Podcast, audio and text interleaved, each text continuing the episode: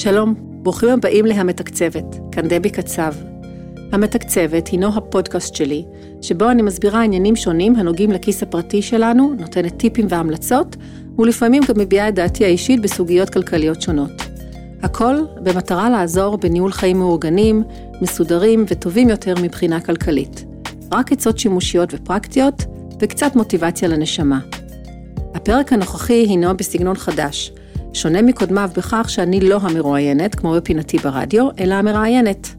לעתים אראיין אנשים שעברו בעצמם תהליך כלכלי ומוכנים לדבר עליו ולשתף תובנות ממנו, ולעתים אראיין כאן מומחים בתחומים הנושקים לתחום שלי, או קולגות שיש להם הסתכלות מעניינת ושונה על תחום הניהול הכלכלי האישי. האזנה נעימה, מקווה שתיישמו.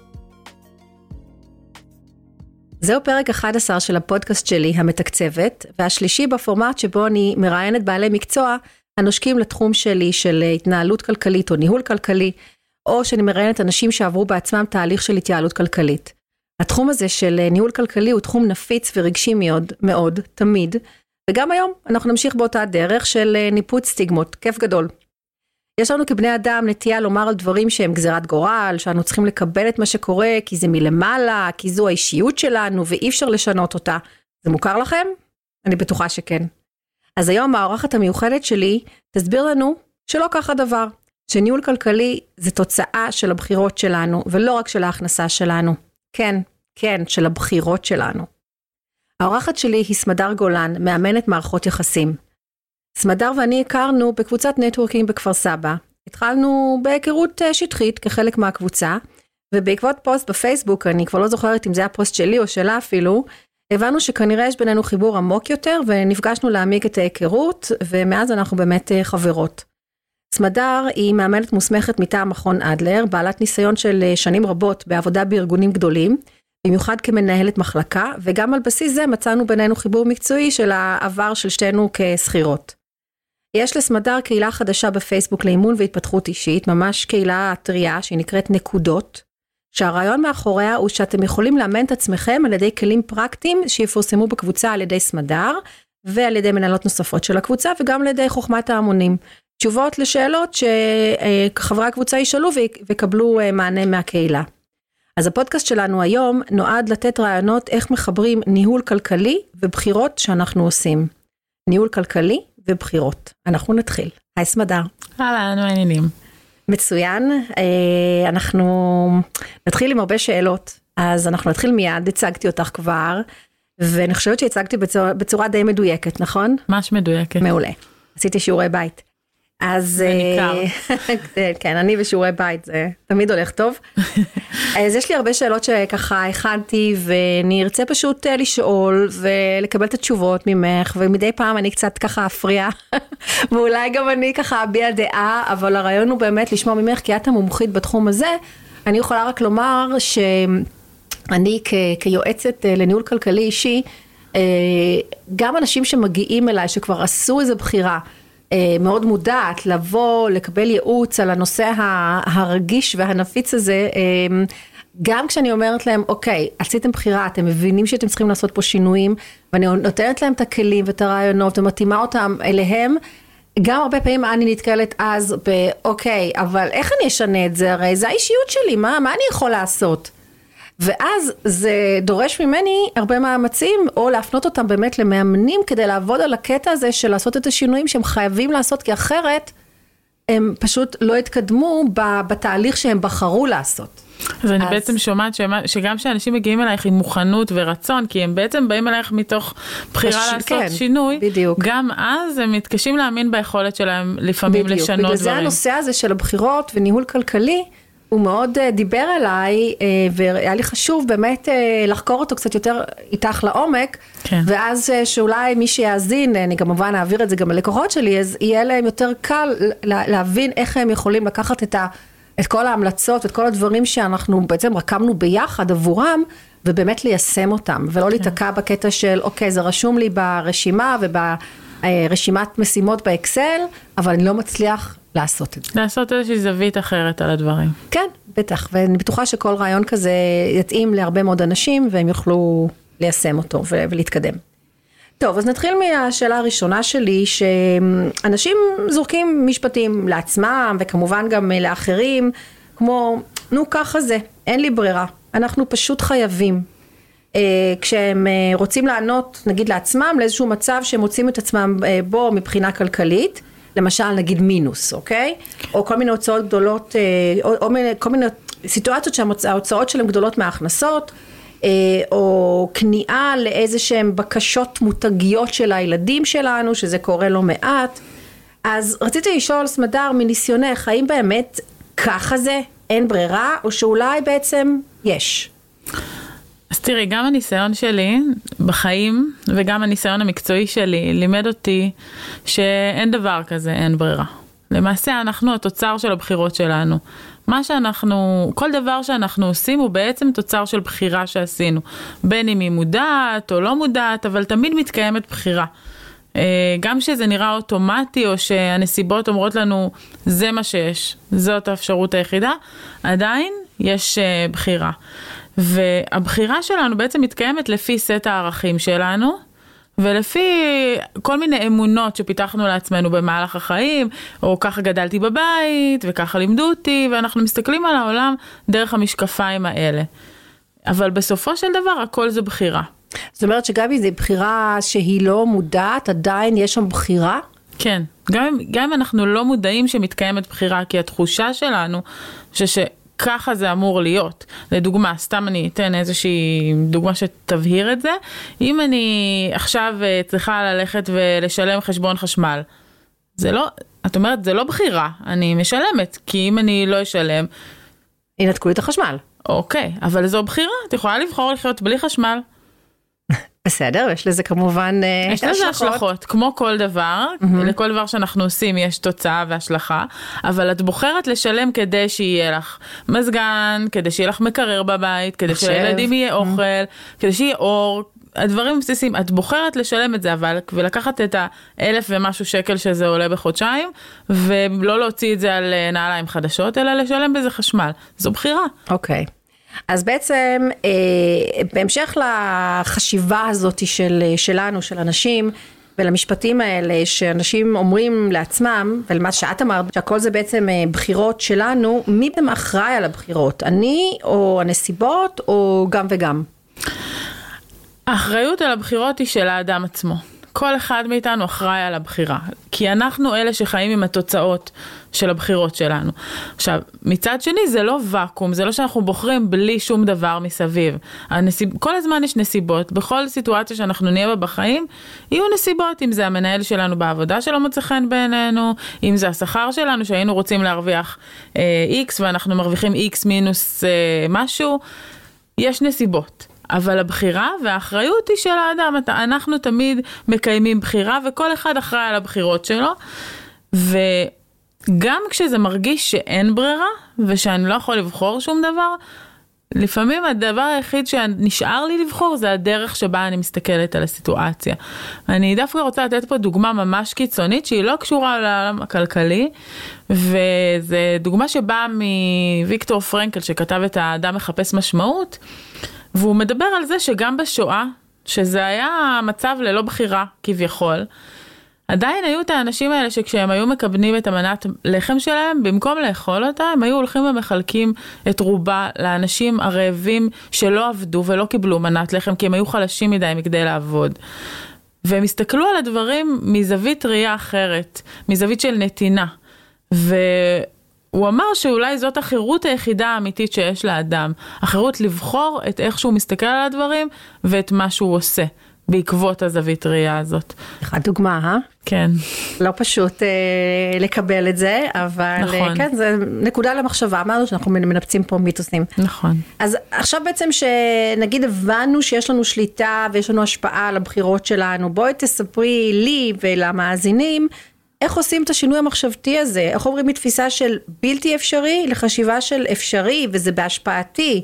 וכמובן, אם, אם תוכלי, כאילו, תתייחסי בבקשה ספציפית לנושא של ניהול כלכלי, התנהלות כלכלית, כי זה, זה התחום שלנו, וגם כשאנשים אומרים, טוב, הבנתי, יש לי בחירה, איך אני עושה את זה? כן. אז ככה, לפני שנדבר על איך עוברים מבלתי אפשרי לאפשרי, בואי נדבר רגע על הבלתי אפשרי. מה זה בעצם בלתי אפשרי? בלתי אפשרי זה בעצם לחשוב שקיימת רק אפשרות אחת.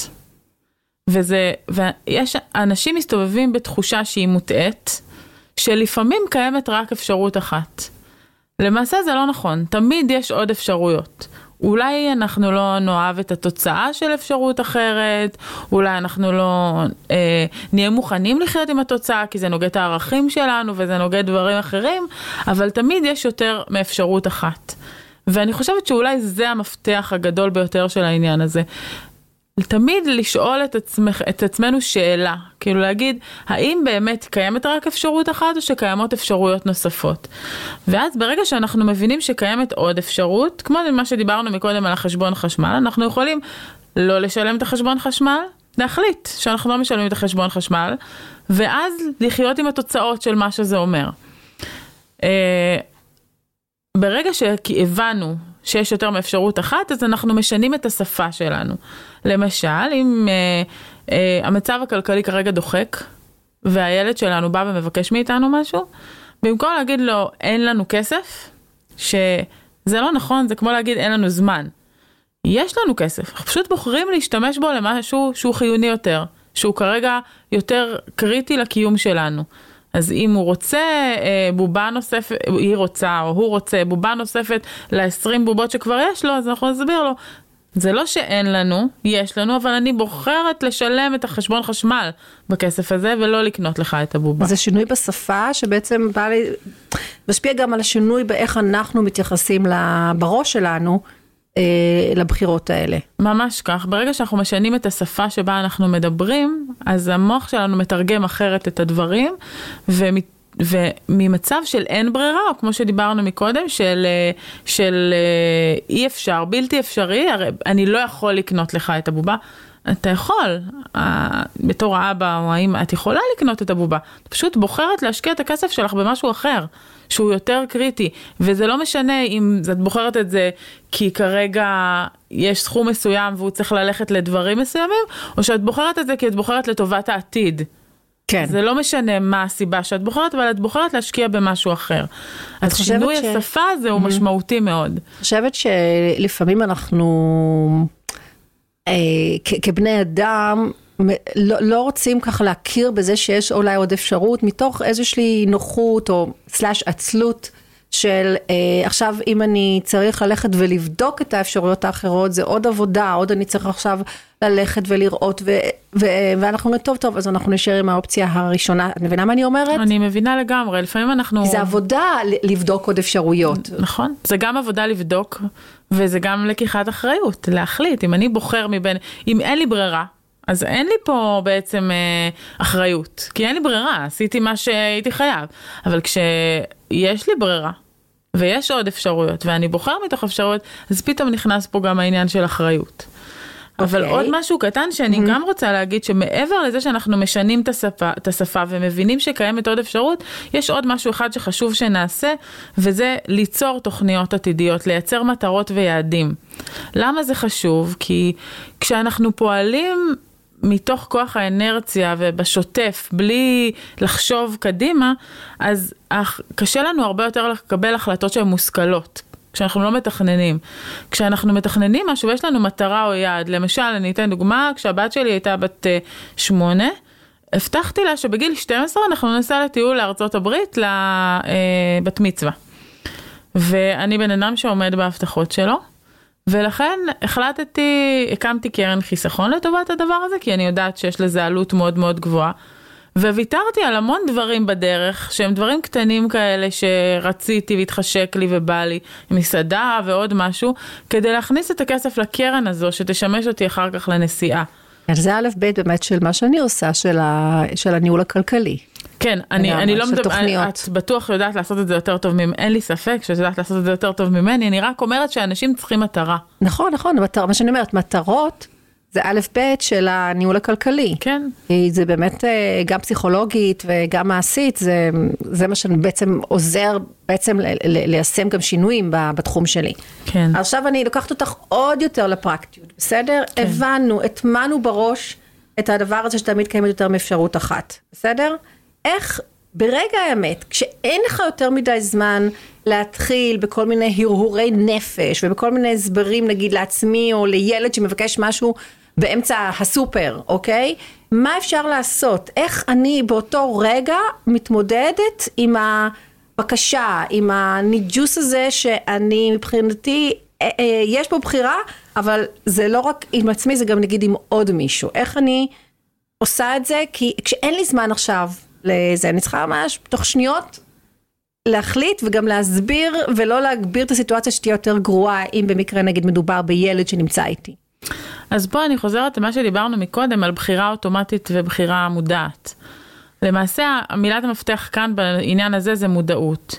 הרבה פעמים אנחנו, חלק ממש לא קטן מהבחירות שאנחנו עושים, הן אוטומטיות והן מבוססות על כל מיני אמונות וחששות. אם למשל את באמת מדברת על ילד שמבקש משהו בקניון או בסופר, אז מתחילות לעלות חששות, אולי הוא יהיה לו מרוצה אם אני אגיד לו לא. התחיל אולי... ככה להשתטח על הרצפה. להשתטח, יעשה לי בושות. אה, בדיוק, אה... ואין לי עכשיו זמן עכשיו לקחת אותו הצידה ולעשות לו נאום שלם על הבחירות שלנו בחיים.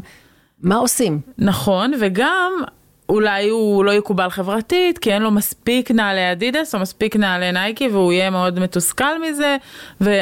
וזה נוגע בכל מיני פחדים שלנו כשהיינו ילדים, שאולי לא היה לנו או כן היה לנו, אה, ומה שאנחנו רוצים לתת לילדים שלנו, ואני אומרת, להעביר בעצם מהחלטה אוטומטית להחלטה מודעת, זה יחסית די פשוט. אנחנו שואלים את עצמנו שאלה, האם זה צריך או רוצה?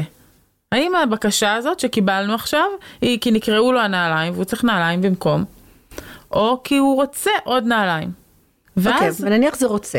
ולא צריך. אז בואי אז בוא באמת נלך לרוצה, כי זה יותר מורכב, כי אם צריך אז צריך, אבל גם בצריך דרך אגב אפשר להחליט מה צריך. האם אני צריך את הנעליים הכי יקרות, או, שאני, או שיש אפשרויות נוספות. גם פה הנושא של אפשרויות נכנס לסיפור. ברור. אם אני רוצה, אז מגדירים לעצמנו, אפשר לעשות כמה דברים. אחד זה להגדיר לעצמנו מראש כמה רוצה, במרכאות, אנחנו מאפשרים. זאת אומרת, נגיד, אני אומרת, פעם בחודש עד סכום X, אני מגדיר לעצמי כמה רוצה. זה נוגע לעניין של לתכנן מראש, לפני שהסצנה קורית בקניון או בסופר, לפני שהיא קורית לתכנן ולתקשר את התכנון הזה, לייצר תיאום ציפיות עם הילדים מראש, כדי שהם ידעו לקראת מה הם הולכים. וברגע שהחלטנו שכן, אז אנחנו גם יכולים לעשות משא ומתן ולהגיד, אוקיי, אתה רוצה את זה? אין שום בעיה, אז דמי הכיס שלך הם X בחודש. עכשיו אתה יכול להחליט שאתה מוציא חלק מהסכום ואני מוציא חלק מהסכום ואנחנו שותפ, שותפים להוצאת רוצה הזאת. וברגע שאנחנו שותפים, אז גם אנחנו מלמדים את הילדים שלנו לבחור. ומלמדים אותם שגם כאן אין אוטומטיות, ואז הם יודעים שהם צריכים לבחור האם הם יקבלו את הדמי כיס ויצאו עם חברים, או יעשו עם זה מה שהם רוצים לעשות, או שהם יקבלו את המתנה, ויש פה שני דברים, גם ללמד אותם על בחירה, וגם ללמד אותם על החלק שלהם בתוך הסיפור, שזה אחריות. זה, וזה חלק מלהיות הורים, שהרבה כן. פעמים קשה לנו להבין שאנחנו בעצם, זה בדיוק מה שאנחנו צריכים ללמד אותם. אה, שזה, שזה החיים, שהחיים הם מלאי בחירות, ו... זה, אנחנו לא עכשיו עושים את זה מתוך רוע או קמצנות, אלא מתוך אה, בעצם אה, אקט חינוכי כדי להכין אותם לחיים, אה, כן, גם. את, את יודעת, הנקודות הקטנה שקשורה לזה, שפעם כשהיו שואלים הורים מה אתה רוצה שהילד שלך יהיה, אז הם היו אומרים מאושר. ואנחנו, חלק מהדור שלנו מגדל ילדים כדי שהם יהיו מאושרים, כאילו אנחנו אחראים על האושר שלהם. היום כשאני שואלת שמגיעים אליי לקליניקה הורים לילדים ורוצים לשפר את המערכת יחסים שלהם עם הילד שלהם, אז אני שומעת דברים אחרים, אני שומעת, אני רוצה ילד עצמאי שמצליח לעשות דברים בזכות עצמו. וכדי לייצר ילדים עצמאיים אנחנו לא יכולים א' לפתור להם את הבעיות כל הזמן, אנחנו צריכים לתת להם לפתור בעצמם. או לקנות אותם. או לקנות ולרצות אותם וכאילו לקבל את האושר הרגעי הזה שהם יקבלו מהקנייה, שבסופו של דבר יפגע באושר העתידי שלהם, כי אז לא נוכל לעזור להם בלימודים, ולא נוכל אה, אה, ללמד אותם שבחיים לא מקבלים את כל מה שרוצים, ולפעמים צריך לבחור בין שני דברים. וזה, אני רואה את השינוי הזה קורה ואני מאוד רוצה לעודד אותו. אז יפה, כי באמת בעקבות זה שנגיד אנחנו רוצים שילד יהיה עצמאי ואנחנו מלמדים אותו ומחנכים אותו ועושים את כל המעשים האלה שהם אולי ברגע האמת קצת כואבים להם וגם לנו, אז אז הוא לומד את העניין הזה של העצמאות, בסופו של דבר גם יגיע האושר. כלומר, האושר הוא, הוא שם, הוא שאיפה, אני חושבת, תמיד. כולנו רוצים להיות מאושרים, לפחות ברגעים, ברוב הרגעים, אבל זה מגיע בעקבות זה שאתה בעצם נמצא בסיטואציה של, או במצב שאתה עצמאי ולא תלוי ויודע לעשות חשיבה עצמאית. אז uh, המאושר מגיע אחר כך, אני חושבת. כן, אני חושבת. משהו אני, אולטימטיבי יותר. זה, א', זה ממש נכון מה שאמרת, ואני אגיד אבל עוד משהו, שמאושר זה גם עניין פילוסופי, אני חוקרת את זה הרבה, גם למדתי קורס בפסיכולוגיה חיובית, וזה באמת, אה, היום אנחנו יודעים שמאושר זה שילוב של הנאה ומשמעות. וההנאה זה הקטע הרגעי הזה של אה, לקבל את הנעל, ו... אבל אם אין משמעות לאורך זמן אין אושר.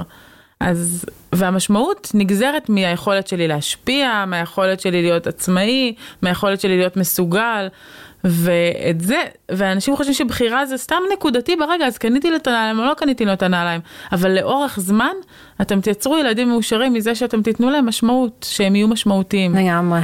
הבוקר הבן שלי אה, אמר לי, הקטן, הוא בן 12 כמעט, אה, מאוד, שני הילדים שלי מאוד גיימרים כאלה, ו...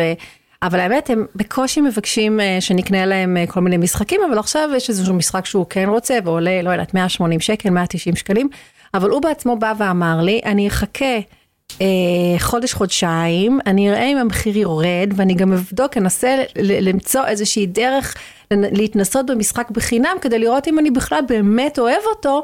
כי הוא יודע שהוא לא יקבל כל חודש משחק uh, בשווי כזה ש, שאני קונה או שהוא משתתף וגם אני משתתפת, כלומר יש להם כבר את החשיבה מתוך זה שאנחנו עושים את זה כבר הרבה שנים מן הסתם, של לבחור, לחכות, לבדוק, לא באוטומט אה, אה, לבקש, יש לו העניין הזה של העצמאות והבחירה, זה מאוד מאוד הוטמע, כמובן שזה לקח שנים, אבל אה, אף פעם לא מאוחר להתחיל, כן? אף פעם לא מאוחר להתחיל, תמיד אפשר לשנות, ומה שאת מתארת זה פשוט המהות של בחירה מודעת. ואני לא מדברת רק על החלק הכלכלי פה בסיפור, שזה חשוב, ועל זה אנחנו מדברות, אבל תסתכלי, גם הוא אומר, אני לא, לא רק רוצה לבחור אם אני מוציא את הכסף, אני רוצה לבחור אם בכלל... אני אוהב את זה, זה שכולם אומרים שזה משחק מגניב, אף אחד לא נכון, אמר שאני אוהב את זה. זה חשיבה ביקורתית. אז יש פה איזושהי חשיבה שהיא מעבר, אני אבחר מה מתאים לי. נכון, אז ו...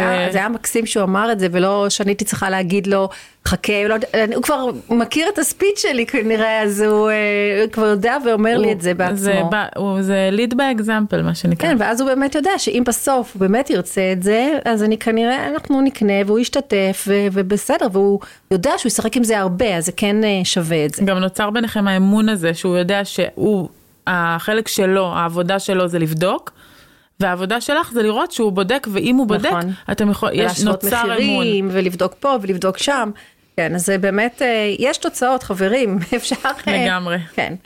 טוב, אז עוד שאלה. אה, עוד אמרה שאנחנו נוטים להגיד לעצמנו באופן אוטומטי, למה זה מגיע לי? למה דווקא אני?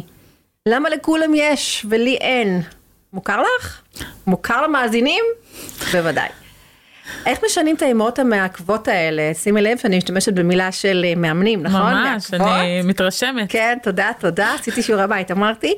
אה, האם זה רק עניין של שינוי ניסוח השאלות, או זה יותר מזה? אה, אני תמיד מאמינה במשהו שהוא מעשי. זאת אומרת, בוא נשנה את השאלה ולאט לאט אנחנו נתפתח ו... ונבין גם את המהות שמאחורי זה.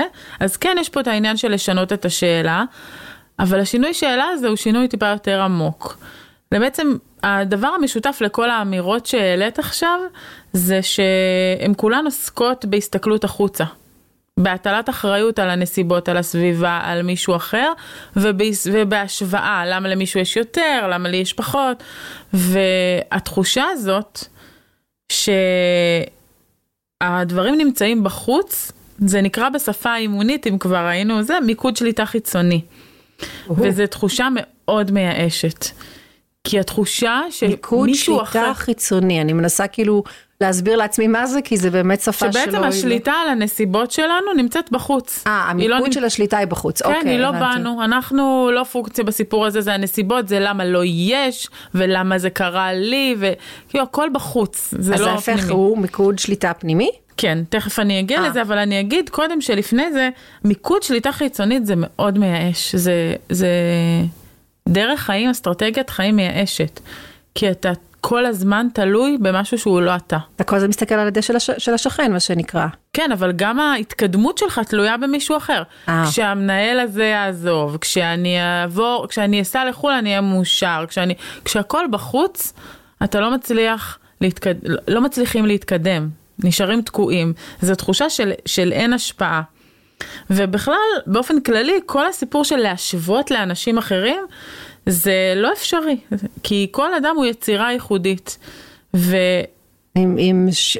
נסיבות חיים שונות לחלוטין. נסיבות שונות, תנאים אחרים, יכולות אחרות, זה לא טובות או פחות טובות, פשוט אחרות. בן אדם אחד יהיה יותר יצירתי, בן אדם אחד יהיה יותר מסודר, ולנסות להשוות ביניהם זה פשוט נועד לכישלון מלכתחילה. אז מה עושים? אז אני אומרת, אה, בהתחלה דיברנו על הנושא של אחריות. אנחנו, האדם הוא תוצר של הבחירות שלו, את אמרת את זה בהקדמה שלך, ואני אומרת את זה גם כאן, האדם הוא תוצר של הבחירות. מצד אחד יש בזה משהו קצת שיוצר התנגדות, כי אם אני אחראי, אז אנשים לוקחים את זה למקום של אשמה. אם אני אחראי, אז אני אשם במצב שלי. אבל אחריות זה בעצם הופך אותה, את הסיטואציה למיקוד שליטה פנימי. זאת אומרת שאם אני אחראי, אז גם אני יכול לשנות. אוקיי? נכון. ואז אנחנו עוסקים בהשפעה שלנו ולא בהשפעה החיצונית, וכשאנחנו עוסקים בהשפעה שלנו אנחנו באמת יכולים להתקדם. תקשיבי, זה צריך uh, להגיע לסיטואציה של uh, מודעות מאוד גבוהה uh, כדי, כדי להגיע לשם, כדי להבין את זה, כדי להודות בזה ולעשות את השינוי הזה. כלומר, זה נדרשת איזושהי רמת התפתחות אישית גבוהה כדי להבין את זה ולהטמיע את זה. אני, לא, אני חולקת על זה. אז תסבירי, יופי, זה טוב, אני כאילו כבר חששתי מזה. אני חולקת על זה כי אני חושבת שזה מתחיל בדברים ממש ממש קטנים. אני אתן, אני אתן דוגמה. במקום עבודה האחרון שעבדתי בתור שכירה, עבדתי שלוש וחצי שנים כדי למלא את התקן של העובדים שלי. כל פעם היום, במוקד שירות אנשים מתפטרים כל הזמן. וכן, העליתי את כמות הזמן שהם משתמשים, נשארים והכל, אבל עדיין כל הזמן הייתי במרדף אחרי מילוי התקן. ברגע שהגיע מילוי התקן והגעתי לתקן המלא, הייתי כל כך שמחה, ובאתי למנהל שלי ואמרתי לו, עד עכשיו עבדנו על כמות, עכשיו אני יכולה לעבוד על איכות, ולראות איך אנחנו מקדמים את הסיטואציה.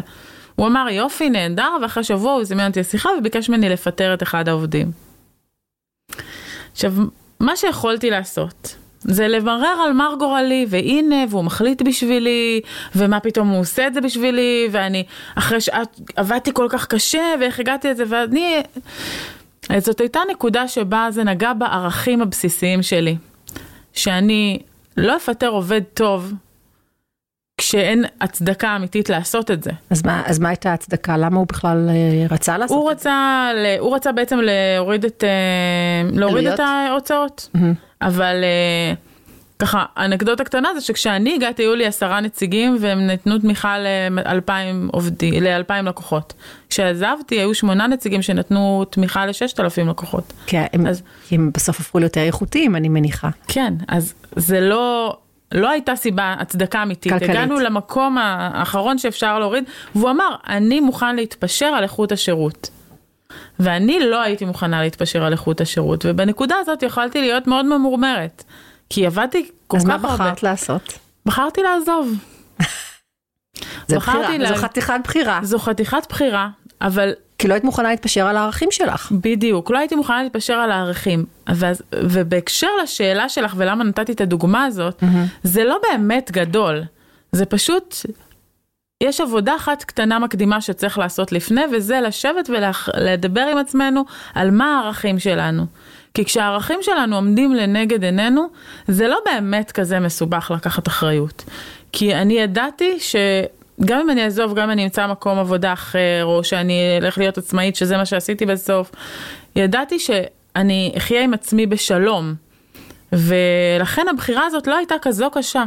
אז זה בדיוק, זה מוביל אותי בדיוק לשאלה הבאה שלי, כי כל מה שאת אמרת נשמע לי מאוד נכון, ואת אומרת, אולי פחות מפחיד ממה שזה נשמע, או פחות אה, קשה להגיע לשם, אבל אני חושבת בכל זאת זה עדיין מפחיד. כי אנחנו לא בטוחים שאם ניקח את הבחירה מסוימת אנחנו נצליח, ו- והדרך יכולה להיות מאוד מאוד קשה once עשינו את הבחירה. וכמובן פחד אנחנו יודעים זה דבר משתק, זה משהו שעוצר אותנו, גם אם יש לנו את כל המודעות וההבנה והמידע והרצון, אז איך בסופו של דבר אנחנו מתגברים על הפחד המשתק הזה? של עשינו בחירה, עשינו את הבחירה, כתבנו אותה, התפטרנו, לא יודעת מה, עשינו את כל האקט הזה של זה, ואז מה עושים עכשיו?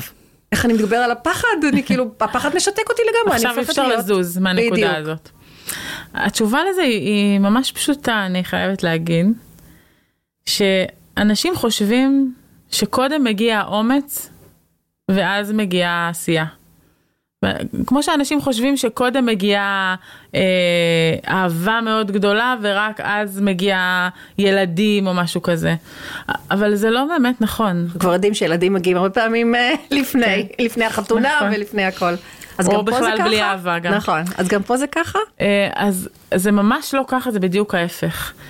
אומץ זה רגש שנוצר מהעשייה שלנו, מהעדויות שמגיעות מהמציאות. אנחנו לא קודם כל מקבלים אומץ ורק אחר כך אנחנו עושים. פשוט עושים, צוללים פנימה ואז אנחנו מרגישים את ה... אז לא צוללים, לא צוללים, הולכים על מים רדודים בהתחלה, מכניסים כן. את הרגל רק למים, בודקים שהם לא קרים מדי, והם עושים, אני אומרת הגודל כן קובע והגודל הוא קטן.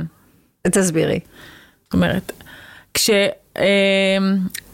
מטרות מאוד מאוד גדולות, כמו עכשיו בן אדם שיש לו, בכוונה ניתן מהעולם שאנחנו מדברות עליו, יש לבן אדם עשרת אלפים שקל בחשבון בנק והוא רוצה לקנות דירה. זה נראה בלתי אפשרי, נכון? כאילו זה לא, אין היתכנות בסיפור הזה, כי זה מאוד מאוד גדול, זה כמו הנמר שהיינו פוגשים כשהיינו צעדים ולקטים היינו פוגשים אותו והוא היה משתק אותנו או fight or flight or freeze שזה אה, התגובה הטבעית שלנו. כן. אז אותו דבר קורה במטרות שהן מאוד מאוד גדולות. אז אני אומרת, לקחת את המטרה הגדולה ולפרק אותה להמון המון צעדים קטנים.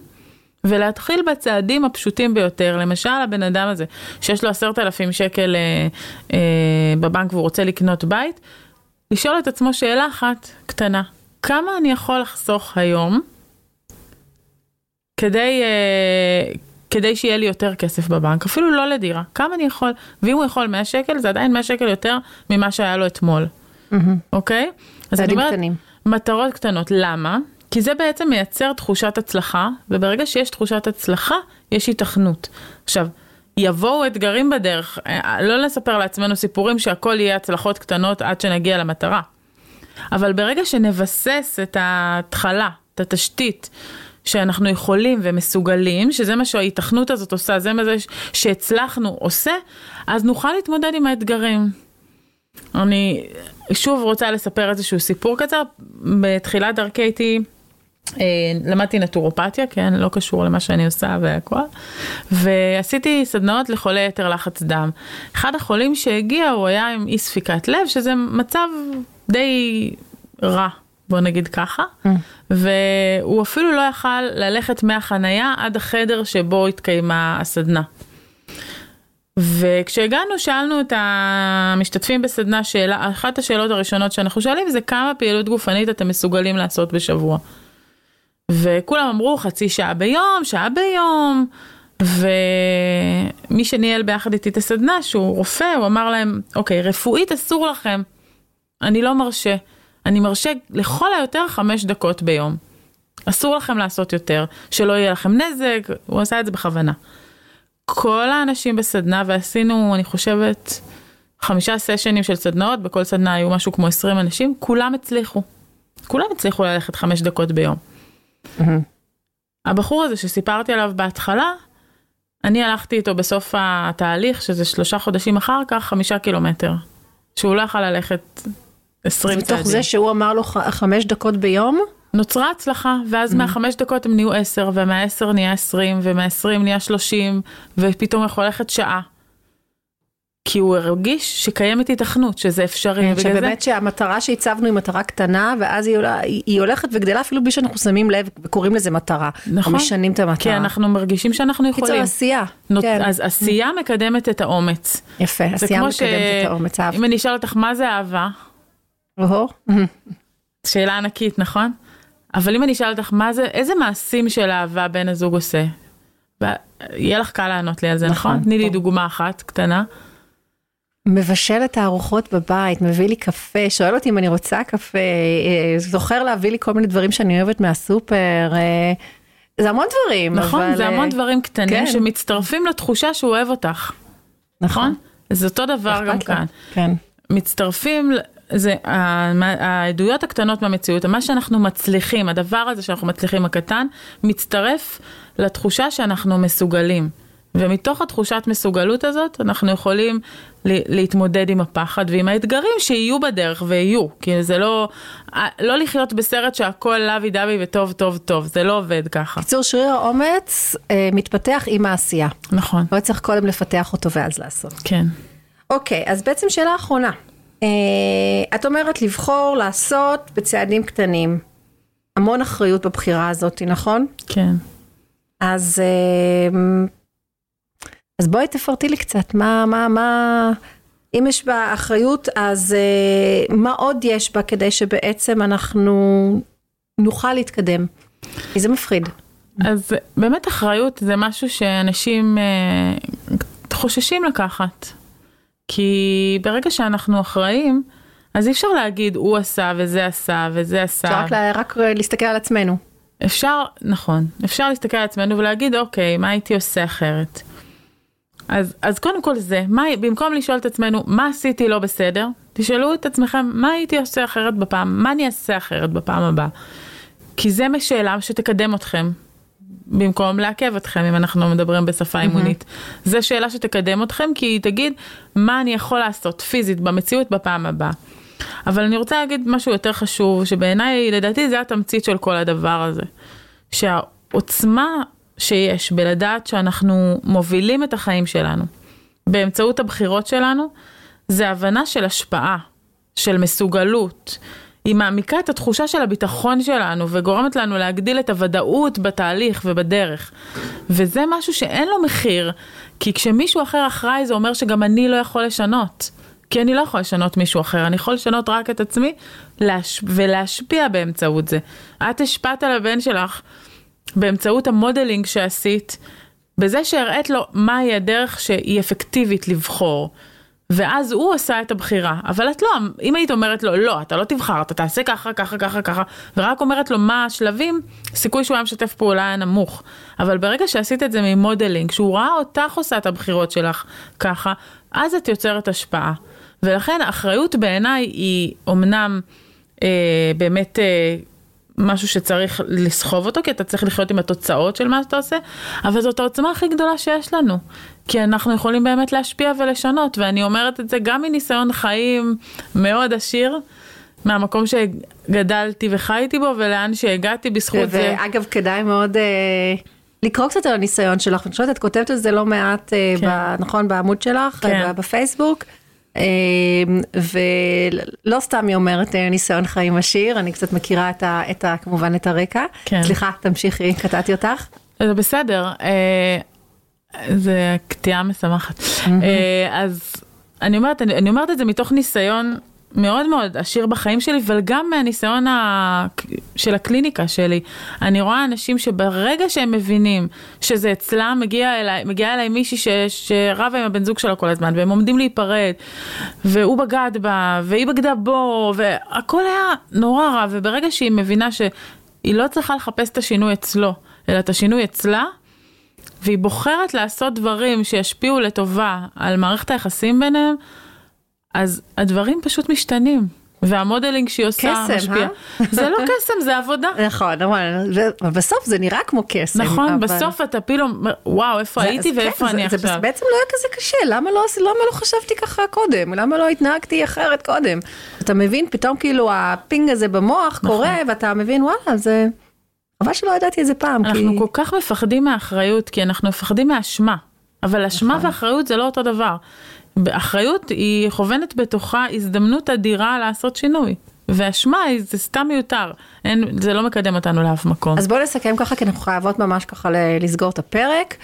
אז לשאול שאלות, בואי תסכמי יחד איתי ככה את הדברים העיקריים שבעצם אנחנו בוא... צריכים לעשות כדי לקחת את הבחירה, לבחור ו, וגם בקטע של ההתנהלות הכלכלית. ולשנות את החשיבה שלנו. אז להבין שהכל זה בחירה.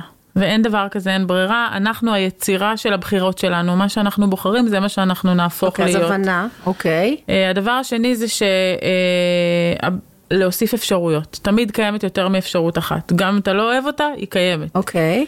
אה, דבר נוסף זה ליצור תוכניות עתידיות ולשנות את השפה שבה השפה. אנחנו מדברים. במקום אין לי כסף, אני בוחר אוקיי. להוציא על משהו אחר.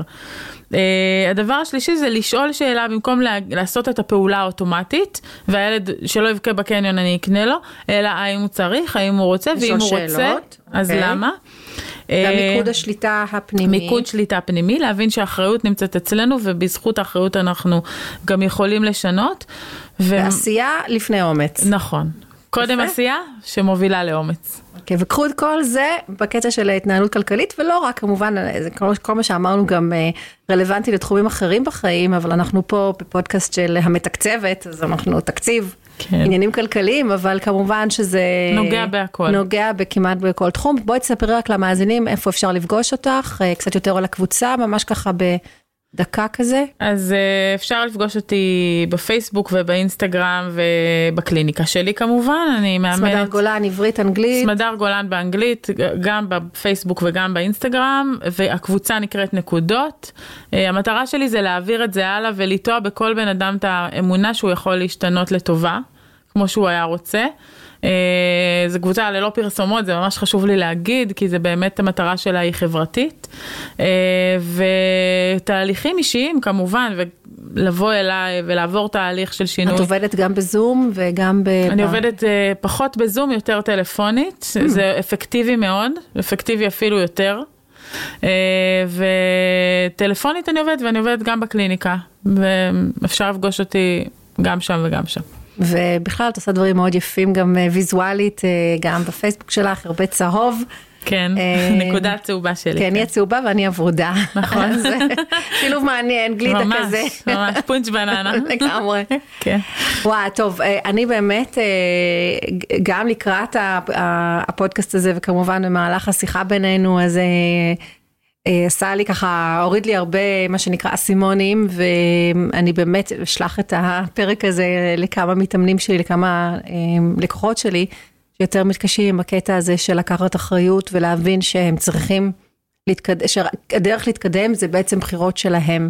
כן. ונכון שגם אני דוחפת אותם, אבל בסוף העשייה היא שלהם והם, והם מסוגלים לעשות את זה. וזה בסדר לקבל עזרה גם אם צריך, וליווי. זה תמיד, זה תמיד, תמיד, תמיד. כן. תודה רבה, נעמת לי מאוד, למדתי לי. הרבה, תודה לך שאירחת אותי, אני מאוד שמחה מזה. בכיף. ביי בינתיים. ביי ביי. זו שוב אני, דבי, מקווה מאוד שנהנתם ושתתחילו ליישם. מוזמנים להירשם לקבלת עדכונים ממני על פרקים חדשים. כל מה שצריך לעשות זה ללחוץ על כפתור ה subscribe. נתראה בפרק הבא.